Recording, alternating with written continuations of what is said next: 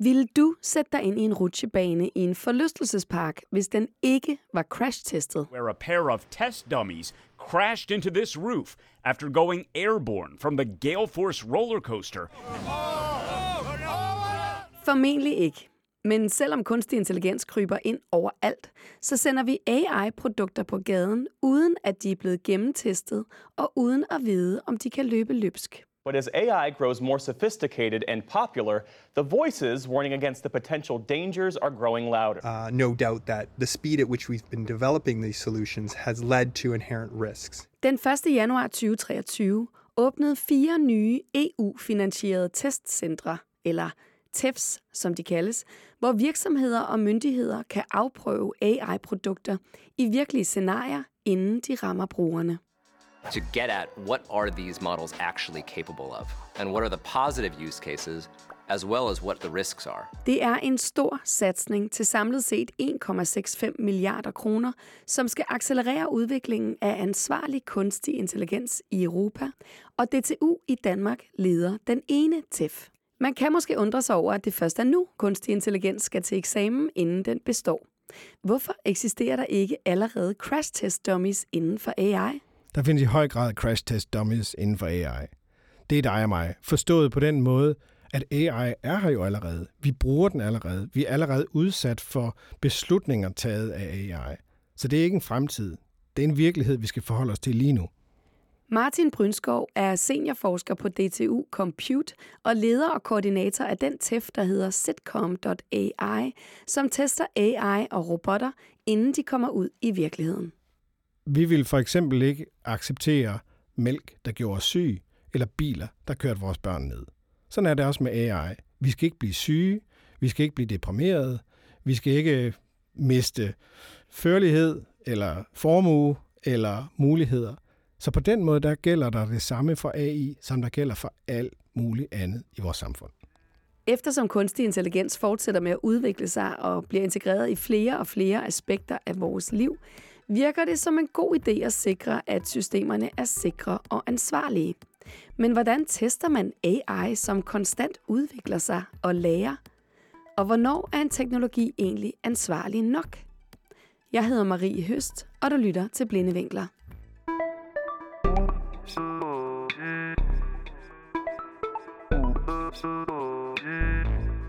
Martin, lad os starte med at høre, hvad er TEF sat i verden for? Det er det, der er mellem dig og den kunstige intelligens. I skal teste, hvordan kunstig intelligenser påvirker mig. Ja, det er faktisk det, øh, som man er ved at opbygge evnen til at kunne. Så når der nu kommer en virksomhed eller en myndighed og siger, hey, vi har fundet ud af at gøre noget vildt smart med kunstig intelligens, så før man bare slipper det løs på gader og stræder, eller i e-boks, eller hvor det ellers kan være, så skal det lige testes, at det opfører sig, som man havde forventet, at det ikke har nogen øh, negative, utilsigtede øh, konsekvenser eller bivirkninger, og det er lovligt, og i det hele taget øh, opfører sig ordentligt. Så det er at teste AI og robotter, øh, før det rammer dig og mig. Og det er jo noget, der lige for relativt nylig er sat i værk. Tester man ikke, eller har man ikke testet AI-systemer godt nok før nu? Nej, det har man ikke. Og det har man først og fremmest ikke, fordi at øh, der har ikke rigtig været nogen standarder at teste op imod. Og så tror jeg også, at vi alle sammen kan blive enige om, at vi først lige rigtig sådan begynder at opdage, hvad er det? Det er det ene svar. Det andet svar er, jo, selvfølgelig, fordi der har været kunstig intelligens eller noget, der ligner rigtig mange steder i samfundet allerede i årtier. De er bare blevet testet inden for de produkter, hvor de findes. For eksempel en elevator. Den skal jo regne ud, hvad er størst sandsynlighed for, øh, at den næste passager er på første eller 20. etage. Det gør man med kunstig intelligens. Men det er så bare blevet testet af dem, der også tester elevatoren. Det, som vi står overfor nu, det er, at vi har nogle mere generelle AI-systemer og nogle øh, generelle AI-teknologier, nogle store sprogmodeller, men også alle mulige andre modeller, som kan bruges til rigtig mange ting.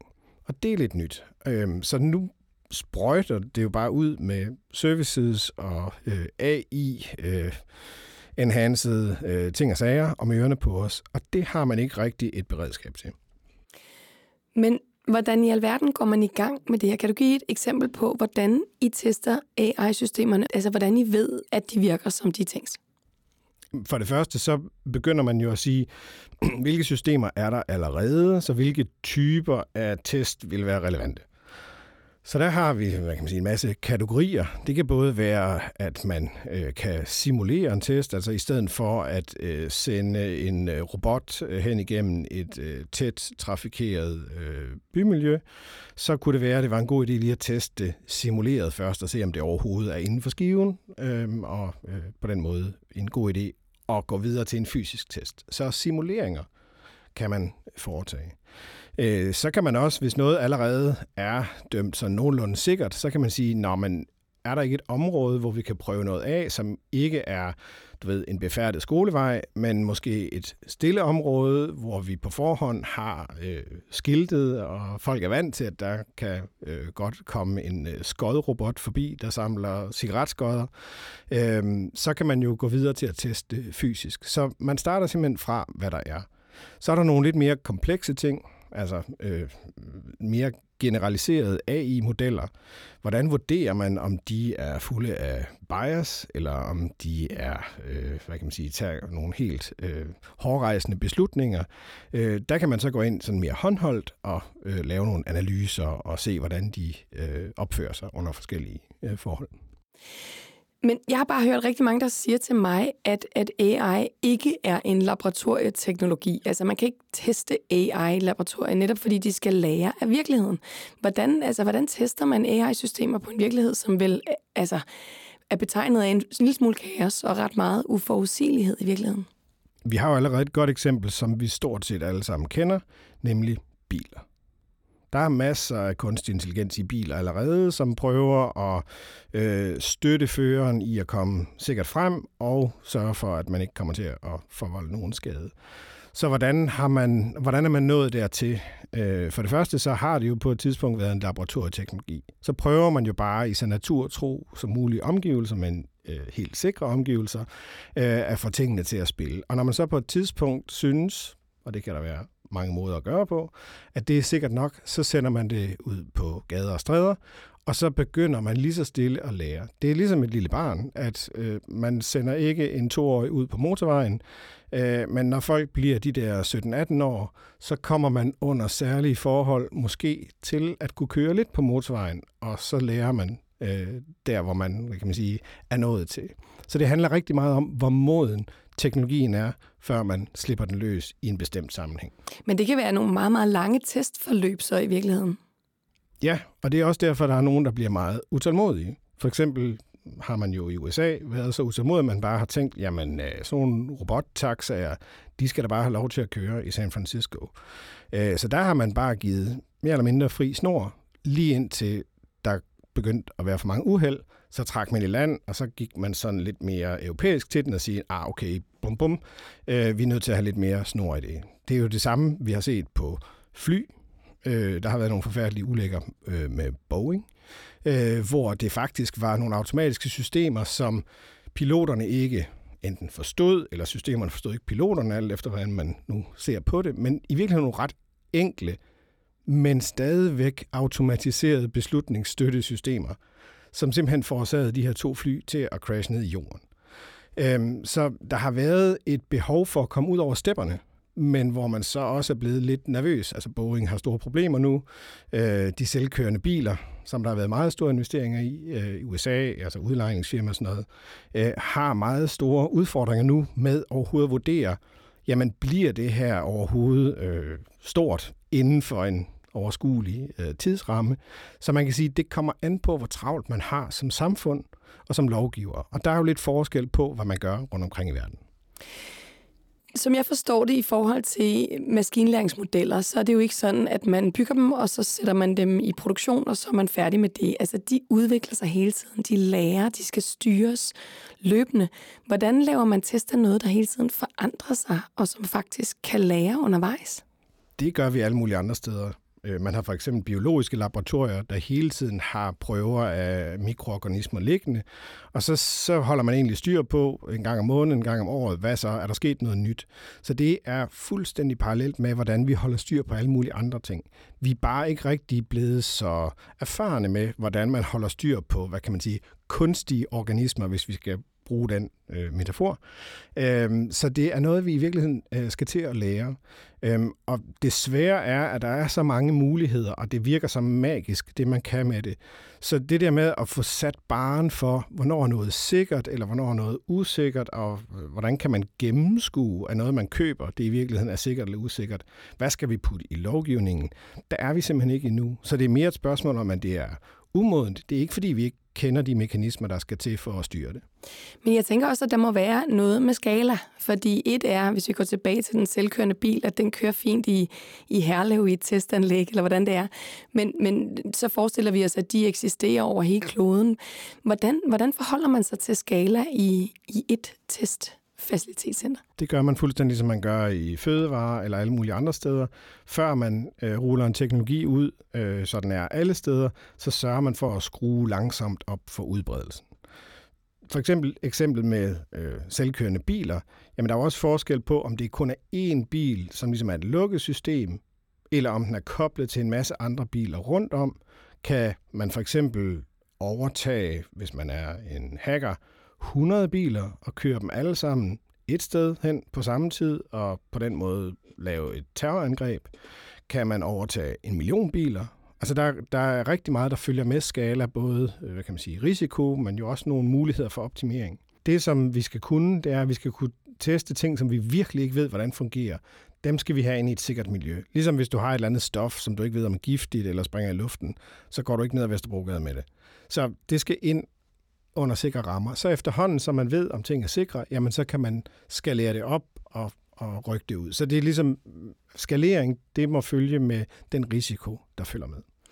Men det lader bare ikke til, at det er sådan en udrulning af teknologier foregår særligt tit, som det er lige nu. Altså, ChatGPT kom ud, og ganske kort efter var der en million brugere, og så overtog den bare verden. Altså, hvordan... Øh, det, det forestiller mig så ikke, at den form for udrulning, du lige snakker om her det følger fuldstændig den måde, teknologier til alle tider er rullet ud.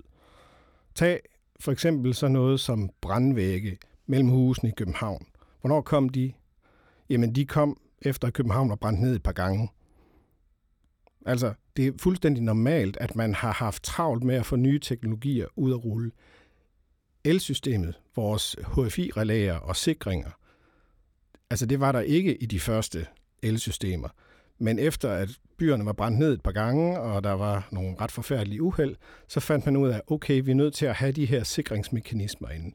Det er desværre trial and error. Og det, som man i Europa specielt virkelig håber på, det er, at man så hurtigt som muligt kan lære af de meget store erfaringer, man har med alle mulige andre teknologier og samfundsudviklinger, og så hurtigt som muligt få dem på plads for AI også. Det er der så lidt forskellige øh, hvad kan man sige, øh, måder at gøre på rundt omkring i verden, og fordi der er så stort et geopolitisk potentiale og så store økonomiske gevinster koblet til det, så er der nogen, der har meget svært ved at vente. Ja, det vil sige, at byen skal brænde ned et par gange, før vi får de sikkerhedsforanstaltninger, vi har brug for. Det er jo et valg, vi har som samfund, hvor stor en risiko vi vil køre med. Og der er der basically tre tilgange i verden. Der er den amerikanske, som er rimelig hands-off, altså hvor man har så mindst mulig regulering. Det er, fordi man er bange for at miste den position, man har på området lige nu. Så er der den kinesiske, der er meget, meget reguleret på sin vis, hvor det er meget hands-on, hvor man også er bange for at miste det moment, som man har lige nu, øh, som er ret anderledes, men det er der. Altså, Kina har langt de største investeringer i AI globalt, og så er der den europæiske, som prøver sådan ligesom guldlok at finde, ah, ikke for kold og ikke for varm, men lige tilpas i midten. Vi har set så mange eksempler på, at der skal kun et eller to uheld til, så holder folk sig fra en given teknologi i rigtig mange år. AI er jo nået til det niveau, man kan sige øh, samfundsmæssigt, at det vælter regeringer, at det får fyret politikere, at det får fyret øh, direktører osv. Så man sidder på de beslutningstagende niveauer og er voldsomt nervøs på den ene side for, at man får købt noget teknologi, som så viste sig at være farligt. På den anden side sidder der nogen i nogle andre kontorer og tænker, jamen hvis vi ikke har de her teknologier i vores samfund, så falder vi bagud, både økonomisk, og så er der jo så også den sikkerhedsmæssige dimension. Så det er, det er nogle ret svære dilemmaer at navigere i. Men jeg tænker, at som de samfund, vi i hvert fald i Danmark og Europa har udviklet os til, så vil det være helt underligt, hvis vi ikke havde øh, en mulighed for i det mindste at vurdere, hvad der er ansvarlige teknologier.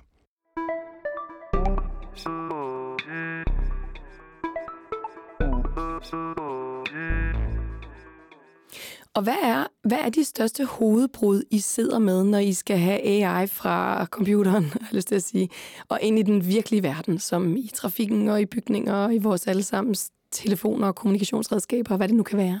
Ja, altså man, det er sjovt, du lige nævner det. Man plejer at dele kunstig intelligens op i to. Øh, kunstig intelligens, der ikke flytter sig, og så kunstig intelligens, der flytter sig. Altså, der er sådan lidt forskel på, om den øh, kan komme efter dig, eller om den kan smække et dør i hovedet af dig, eller om den, om man så må sige, bare bliver inde i computeren. Det kan være jo slemt nok, fordi de computer kan for eksempel være din bank, eller din respirator, eller et eller andet. Så øhm, der, jeg vil sige, de største udfordringer lige nu, det er at få skabt øh, et flow, hvor øh, man ved, at man kan få testet kunstig intelligens og kunstig intelligens i produkter af. Der er et mismatch mellem dem, der hvad kan man sige, har noget at byde på, og så dem, der egentlig gerne vil købe det, men ikke tør. Så den største udfordring, den er ikke teknisk. Den største udfordring, det er at få skabt tillid omkring nogle af de her teknologier. Og det, øh, det at få, få folk til at mødes, det er faktisk den, den allerstørste udfordring. Nu nævnte du selv lige øh, boligvurderings- eller ejendomsvurderingssystemet, som skat udrullet, og som er blevet en ja, kæmpe, kæmpe skandale jo. Altså, vil, vil det kunne have været ændret, hvis den var blevet testet lidt bedre først? Helt sikkert. Så hvad ville det have krævet, Martin? Det ville have krævet, at man havde banket på ude hos DTU og så sagt, ved I hvad, vi har en algoritme, øh, vi har tænkt os at gå væk fra de her 220 ejendomsvurderingsråd ude lokalt, og så øh, gøre det meget mere centraliseret, og så baseret på nogle modeller. Øh, det har vi arbejdet rigtig meget på. Kunne I ikke lige tjekke det, og måske eventuelt inddrage nogle af jeres... Øh, øh, store netværk i den her TEF. Måske kunne svenskerne kigge os over skulderen, og så lige sende tilbage. Og I må gerne bare lige holde det for jer selv indtil videre. Vi vil gerne lige have resultaterne først, og, og så, så kan vi sende noget sikrere ud til de danske boligejere. Det vil man bare kunne gjort. Det havde været rart tror jeg, der er mange, der tænker i dag. Men hvad med sådan noget, så som, som ChatGPT, vi var inde på det før, altså burde de have, have testet noget mere, testet effekterne, testet konsekvenserne, have afdækket dem, inden de gik live med et produkt som det? Det er der vist ikke nogen, der er i tvivl om. Det burde de. Hvis man ser på det som, skulle de have overholdt, øh, hvad hedder det, ophavsret til alle de data, de havde skovlet ind i deres øh, store maskine. De har jo sådan set bare kopieret hele internettet. Øh, konsekvenserne, før folk øh, brugte det til alt muligt, det ville måske have været udmærket. Men igen, det er jo en konsekvensberegning, og jeg er ret sikker på, at Sam Altman og Microsoft, de synes, det var bare det helt rigtige move. Det var et iPhone-moment, det var sådan, der ændrede verden sig. Og det interessante er, at de her modeller var jo velkendte og har i årtier eksisteret. Det, de i virkeligheden gjorde, det var, at de gjorde det samme som Google. Da der kom en søgemaskine, hvor der bare var et felt i midten og sige, hvad vil du finde? Der skrev de bare her, hvad skal vi snakke om? Eller de spurgte om det samme, ikke? Hvad vil, du, hvad vil du gerne vide noget om? Og så gik man i gang. Og jeg tror, der var meget få, der ikke faldt ned af stolen, da man fandt ud af, shit mand, det virker. Jeg kan nærmest have en samtale med, med verden øh, her. Så, så jeg tror, øh, på den ene side, så er der ikke nogen tvivl om, at det ville da have været godt at have testet af, fordi der er rigtig mange øh, hvad kan man sige, problematiske sider af det. Omvendt, så vil man jo nemt kunne sige, hey, hvis ikke de havde gjort det, så var vi jo aldrig noget af det her skridt videre. Og det, det er nok svært at, at hvad kan man sige, endegyldigt sige, om det er på den ene eller anden måde. Det tror jeg, det kommer an på, hvilket blik, man, man har på det. Men nogle af de ting, som man har svært ved, som man har diskuteret og talt om meget, meget længe i forhold til kunstig intelligens, det er sådan noget som bias, som kan være rigtig, rigtig svært at komme til livs. Hvordan tester I for bias, og hvordan, øh, hvad kan man sige, hjælper I med at udligne den bias, der muligvis kan være? Det er der flere måder, man kan gøre på. Øhm, øh, for det første, så kan man øh, sammenligne øh, de systemer, man skal teste, øhm, og prøve at se, er der nogen, der øh, slår ud og har viser en særlig bias. Altså det vil være ligesom, hvis man har en ansættelsessamtale, så prøver man at finde ud af, hvad fanden er det for en person, man sidder overfor. Og det vil sige, at man prøver at give nogle øh, indspil, og så se, hvad man får tilbage. Så på den måde, der er der nogle ret, øh, kan man sige, håndfaste måder at føde data ind i de her modeller, og se, hvad der kommer tilbage. Men du får det til at lyde som om, det, er sådan, at det, kan man, det kan man godt fikse, det kan man godt klare, man kan godt teste for bias, men vi bliver bare ved med at opleve systemer, der er biased af de allerstørste tech-giganter i verden. Hvorfor, hvorfor, hvorfor kan I teste for det eller løse det problem, hvis de ikke kan?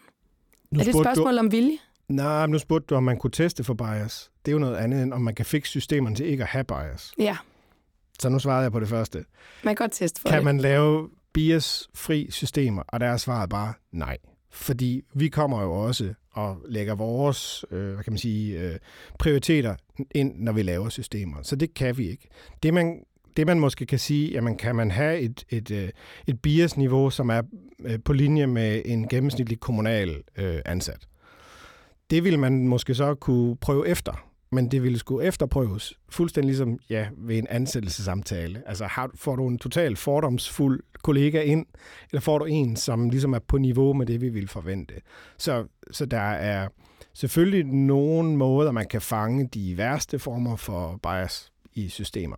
Man kan ikke lave biasfri systemer. Det, det, det er ligesom, det er principielt umuligt. Men man kan lave systemer, som kan vise at have bias på et acceptabelt niveau, når man tester det mod for eksempel mennesker, der skulle gøre det samme.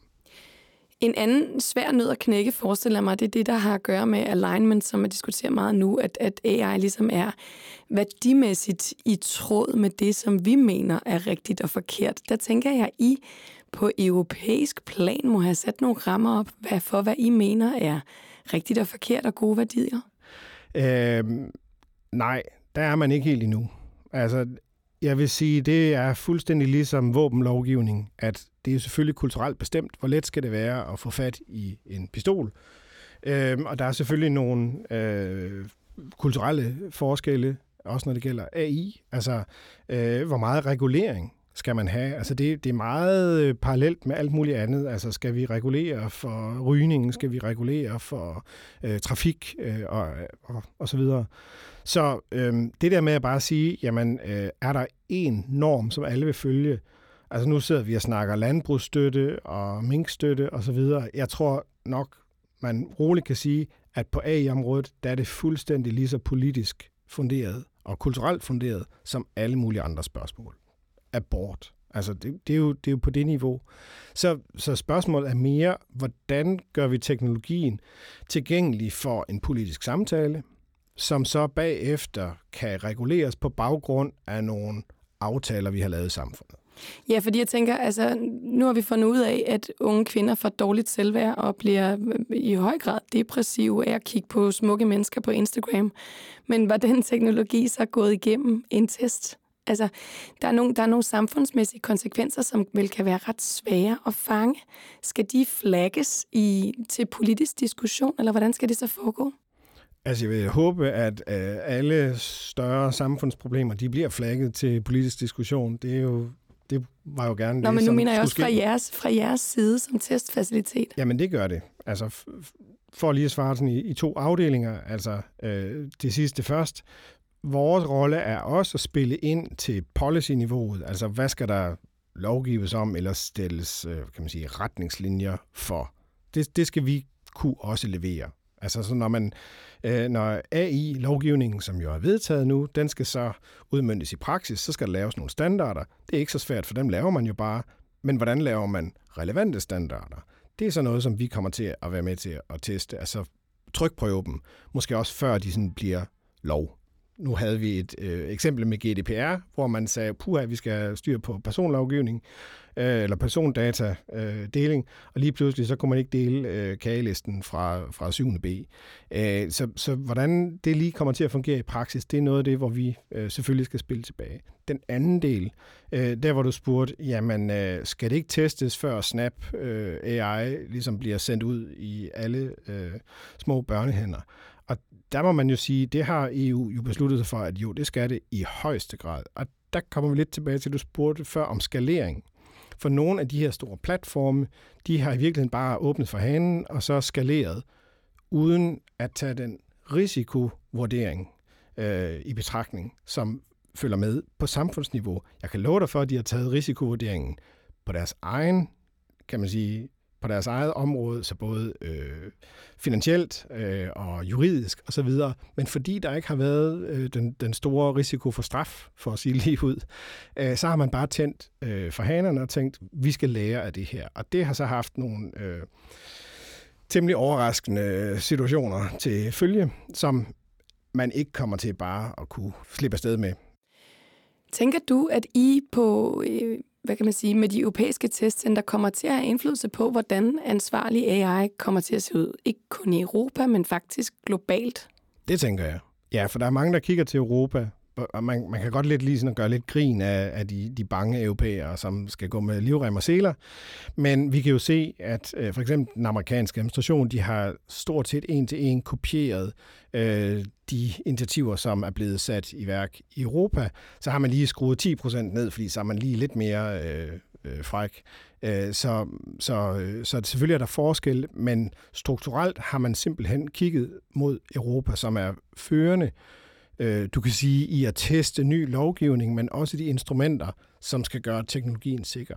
Altså der er en, en række lande i verden, altså Europa selvfølgelig, men også øh, Japan, Korea, Kanada, øh, New Zealand, som stort set følger øh, den europæiske øh, tilgang. Og det er, øh, det er tit øh, øh steder, som vi i Danmark sammenligne os med, i hvert fald når det handler sådan om, øh, hvad vil man acceptere af risici øh, som borger.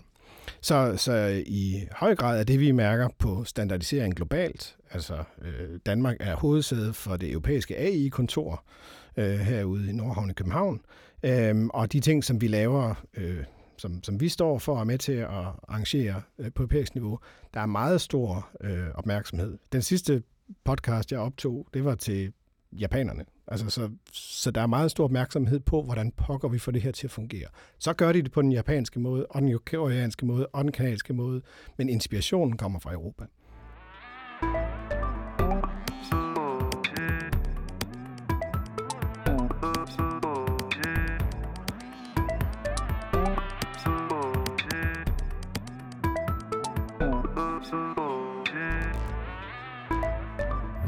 Du har hørt klip fra blandt andet PBS NewsHour og The Try Guys, og du kan finde links i show notes til episoden. Podcasten Blinde Vinkler er produceret af Ingeniørforeningen IDA og IT-branchen og udviklet i samarbejde med Tina Ryven Andersen og Rune Fik Hansen. Den er tilrettelagt, redigeret og beværtet af mig med den ret hæse stemme i dag. Jeg hedder Marie Høst.